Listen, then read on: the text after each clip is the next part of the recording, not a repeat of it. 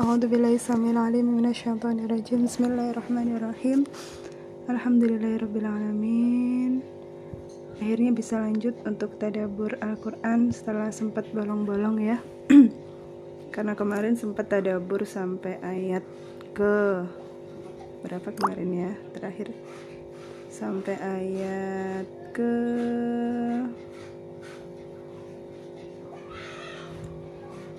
15 eh, 14 ya. Terus ayat ke-15 sampai ayat ke 20 sudah selesai gitu ya. Karena include sama kemarin sharing sama rekan SMP saya. Kita lanjut ke ayat ke-21 ya. Saya bacakan ayatnya ya. Al-Fajr ayat ke-21 A'udzu billahi minasyaitonir rajim Bismillahirrahmanirrahim. كلا إذا دكت الأرض دكا دكا. وجاء ربك والملك صفا صفا. وجيء يومئذ بجهنم يومئذ يتذكر الإنسان وأنى له الذكرى. يقول يا ليتني قدمت لحياتي فيومئذ لا يعذب عذابه أحد ولا يوثق وثاقه أحد Sadaqallahul azim sampai 26 ya sepertinya enak gitu dibaca kalau nggak sampai 26 kayak nggak runtut gitu ya jadi kita ke ayat 21 dulu ya di sini disebutkan bahwa jangan berbuat demikian apabila bumi digoncangkan berturut-turut gitu ya. Bumi digoncangkan berturut-turut. Jadi ini tuh menyebutkan bumi dulu yang digoncangkan ya. Padahal kalau misalkan di ayat-ayat setelah al-fajr ini gitu ya akan ada ayat uh, al atorik uh, atorik al insyikok ya. Al insyikok itu tidak sama unsyakot apabila langit terbelah jadi bumi digoncangkan itu adalah awal gitu ya. Tapi nanti juga akan ada langit terbelah gitu ya. Terus habis itu ada juga al invitor juga sama. Intinya itu sama umfatorot selangit terbelah juga gitu ya. Lanjutannya itu apabila bintang-bintang jatuh berserakan gitu ya At-takwir juga sama. Kalau at-takwir lebih ke matahari. Ida syamsu kuwirat apabila matahari digulung dan apabila bintang-bintang berjatuhan gitu ya. Jadi bayangannya itu sudah terbelah, matahari digulung, kemudian bintang-bintang itu jatuh berserakan gitu ya. Dan ini benar. Ini tuh sudah sekarang tuh sudah lagi ramai diprediksikan saya nggak tahu ya jadi ada seorang peneliti gitu ya kalau di berita itu punya jam kiamat katanya jam kiamatnya itu sudah nggak bergerak lagi berarti tanda kiamat itu sudah dekat gitu ya. Terutama ada climate apa climate change juga kan iklim yang sudah mulai berubah karena akhir-akhir ini tuh begitu panas luar biasa padahal harusnya sudah mulai musim hujan gitu kan. Sudah nggak jelas ini iklimnya sudah nggak sesuai dengan eh, uh, 10 atau 20 tahun yang lalu seperti itu.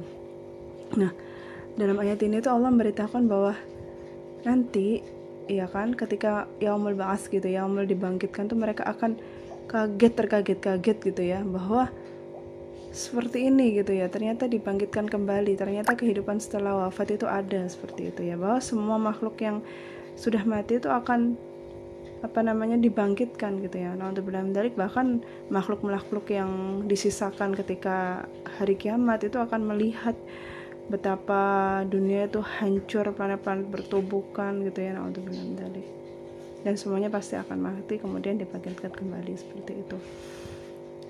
Dan akan dihadapkan kepada padang masyar. Nah di sini yang selanjutnya adalah uh, disebutkan. Kala idza tukatil ardu dakang daka ya. Jadi disebutkan bahwa akan ada malaikat yang berbaris-baris gitu ya bentar ini ke close. Jadi ini tuh akan ada gitu ya datanglah Tuhanmu sedang malaikat itu datang juga berbaris-baris gitu ya.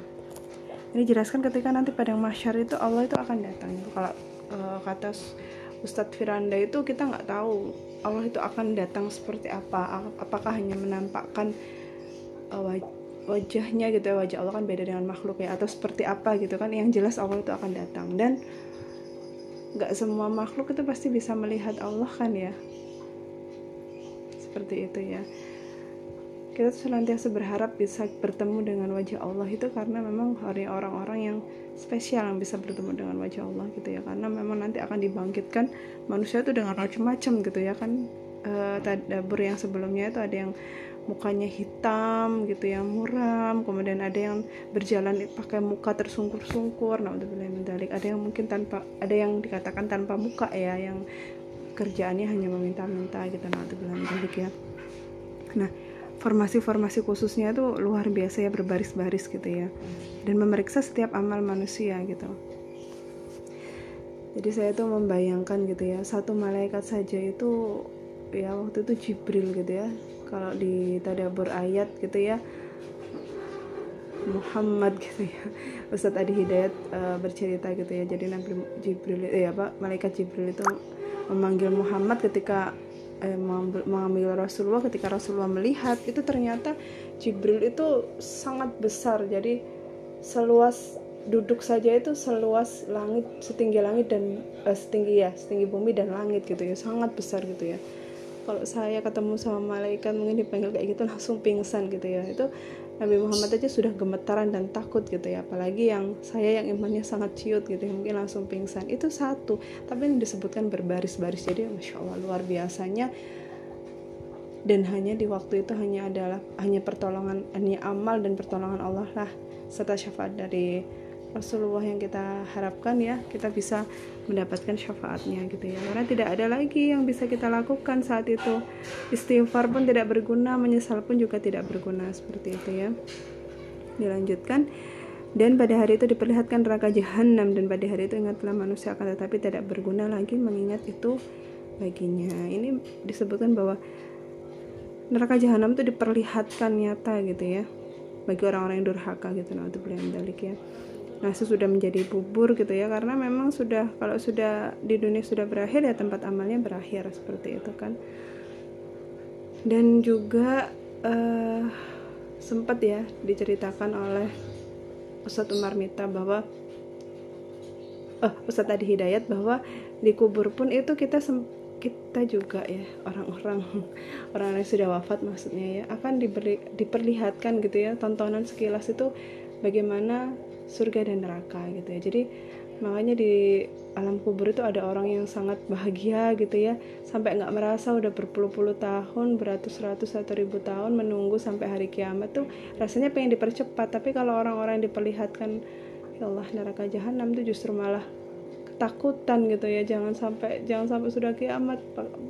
Ya, di kubur aja sudah disiksa gitu ya dengan siksaan yang luar biasa. Apalagi nanti di hari di mana setelah ada keputusan dia masuk surga atau neraka ya apalagi orang-orang yang kafir itu udah jelas gitu ya bisa kafir dan munafik gitu ya itu bisa masuk surga tanpa hisap malahannya gitu ya. Kita kan berharap eh masuk neraka tanpa hisap kita kan berharapnya masuk surga tanpa hisap ternyata ada loh masuk neraka tanpa hisap itu tadi. Cukup murtad durhaka sama Allah gitu apalagi seperti Fir'aun itu yang mengaku sebagai Tuhan itu luar biasa durhakanya gitu ya nanti tadi kemudian Ayat ke-24, alangkah baiknya kiranya aku dahulu mengerjakan amal saleh untuk hidupku ini. Sudah nggak ada alangkah baiknya kiranya gitu. Jangan kan ada hadisnya ya bahwa janganlah kamu mengatakan seandainya, seandainya nanti, seandainya jika, seandainya apa gitu ya. Ucapkanlah gitu ya. Uh, sebentar ini hadisnya biar nggak nggak salah ya. Biar saya nggak salah ada salah satu hadisnya saya masih ingat-ingat ya ingat-ingat. Ingat-ingat lupa lupa lupa ingat gitu ya. Jadi ini uh, jika engkau tertimpa, suatu musibah, maka janganlah engkau katakan seandainya aku lakukan demikian dan demikian. Akan tetapi hendaklah kau katakan ini sudah jadi takdir Allah yaitu qadarullah wa masya'a fa'ala. Setiap apa yang telah dia kehendaki pasti terjadi karena perkataan seandainya dapat membuka pintu syaitan.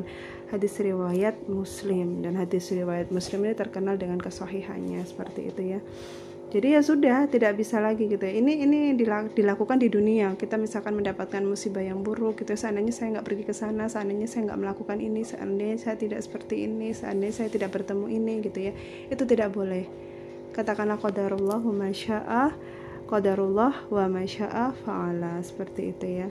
Tapi kalau sudah di akhirat apalagi gitu ya? Udah nggak bisa seandainya lagi karena sudah tidak bisa ber, berbalik arah lagi gitu ya seperti itu. Yang selanjutnya maka pada hari itu tiada seorang pun yang menyiksa seperti siksaannya gitu ya. Intinya itu tidak ada satupun yang bisa menyiksa orang. Intinya ya Fir'aun pun sekelas Fir'aun pun tuh udah nggak bisa apa-apa gitu ya. Hanya bisa menyiksa ya karena Allah gitu. Allah yang bisa menyiksa.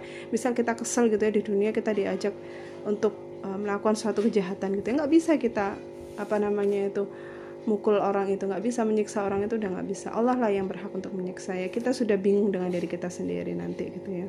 Terus selanjutnya dan tiada seorang pun yang mengikat seperti ikatannya jadi kita tuh seakan-akan tuh udah nggak bisa ngapa-ngapain. Kalau Allah sudah nggak bilang kita bisa gerak ya nggak bisa gerak. Yang jelas kita tuh benar-benar sudah udah nggak bisa ngapa-ngapain lah intinya suatu saat nanti itu makanya saya tuh doanya ya Allah mengharapkan pertolongan kalau di mana tidak ada lagi pertolongan selain Allah seperti itu ya ya Allah naudzubillah gitu ya. Dan siksa ya. Kalau kalau keingat siksa ini jadi keinget dengan malaikat yang yang ditugaskan untuk menyiksa yaitu malaikat zabaniyah gitu ya. Karena di dalam surat uh, surat um, Al-Alaq kalau nggak salah ya saya ingat-ingat lupa ini Al-Alaq Ikro ya depannya Ikro ini disebutkan apa namanya itu ya disebutkan malaikat zabaniyah ini gitu فليدع أعوذ بالله من الشيطان الرجيم بسم الله الرحمن الرحيم فليدع ناديه سندع الزبانية ya maka biarlah dia memanggil golongannya untuk menolongnya dia itu maksudnya orang-orang yang durhaka ya termasuk Fir'aun, Samud gitu memanggil pasukannya katakanlah gitu ya kelak kami akan memanggil malaikat Zabaniyah gitu ya. Malaikat Zabaniyah ini tugasnya itu disebutkan di beberapa riwayat hadis itu adalah menyiksa gitu ya Zabaniyah. Zaban ini lebih ke mendorong gitu ya jadi kayak menyiksa gitu ya. Memaksa sesuatu gitu ya. Jadi intinya mendorong memaksakan gitu ya. Ya Allah naudzubillah dalik ya. Membayangkan gitu ya di kubur juga ketemu malaikat zaban ya di nanti di hari ketemu lagi naudzubillah dalik ya nanti itu akan ketemu dengan malaikat zabania bagi orang-orang yang durhaka. Ya Allah berharap nggak pernah ketemu ya. Pengennya ketemu sama malaikat. Penjaga penjaga pintu surga gitu ya. Itu yang membuat saya sendiri juga khawatir ya terhadap nasib saya gitu ya. Apakah nanti saya akan menerima dari apa namanya amalan dari sebelah kanan gitu ya? Atau dari sebelah kiri gitu ya naudzubillah min ya. Mudah-mudahan kita semua itu masih bisa ada kesempatan menerima amalan sebelah kanan ya. Kalau sudah sebelah kiri itu sudah wassalamualaikum. Eh, sebelah belakang itu udah wassalamualaikum itu udah pasti kita akan mampir ke neraka gitu ya. Naudzubillah dari apalagi naudzubillah dari jika jahanam itu sudah benar-benar kekal di sana itu. Sudah nggak ada harapan lagi kalau sudah jahanam itu sebaik-baik tempat kembali gitu ya. Naudzubillah ya. Jadi kalau ya berharap kita kan tahu ya mencatat amal baik itu malaikat rokib am amal buruknya itu malaikat atid gitu ya. Dan menjaga pintu neraka malaikat malik gitu ya menjaga pintu surga itu malaikat rituan. Makanya banyak namanya itu rituan gitu ya. Begini kita ketemu sama malaikat rituan nanti gitu ya. Dan sering-sering lah gitu ya berharap yang dicatat amalan kita di buku itu yang mencatat adalah malaikat rokib gitu ya. Ada juga nama rokib kan gitu ya. Jadi kalau nama atlet itu jelek kalau nama rokib itu baru bagus gitu ya. Oke lanjut. Kita